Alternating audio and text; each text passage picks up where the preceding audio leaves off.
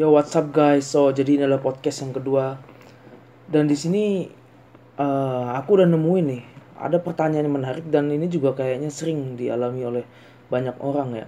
Pertanyaannya kak, gimana menurut kakak kalau ada pacar yang sibuk sama urusannya sendiri, sama kerjaannya sendiri, kadang main game sendiri, terus juga suka nyakitin, bahkan berantem mulu. Tetap aja aku masih sayang kak. Oke, pilihannya cuma dua. Bertahan namun kamu tersiksa, atau lepaskan hingga kamu bebas dan bahagia. Karena hidup ini pilihan kok. Kalau kamu bisa memilih untuk bahagia, kenapa enggak? Maka cobalah tinggalkan orang-orang yang gak benar-benar cinta sama kamu. Karena biasanya orang yang seperti ini tuh biasanya cuma dua.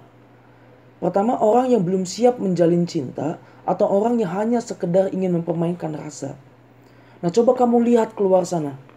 Lihat orang-orang di luar sana. Betapa mereka terlihat riang gembira. Sedangkan kamu masih terkurung dalam penjara. Maka solusinya kamu harus keluar dari sana. Keluar dari sesuatu yang memenjarakan kamu. Karena kamu berhak untuk bahagia. Kamu juga berhak untuk seperti yang lainnya. Jadi udah, sabar aja.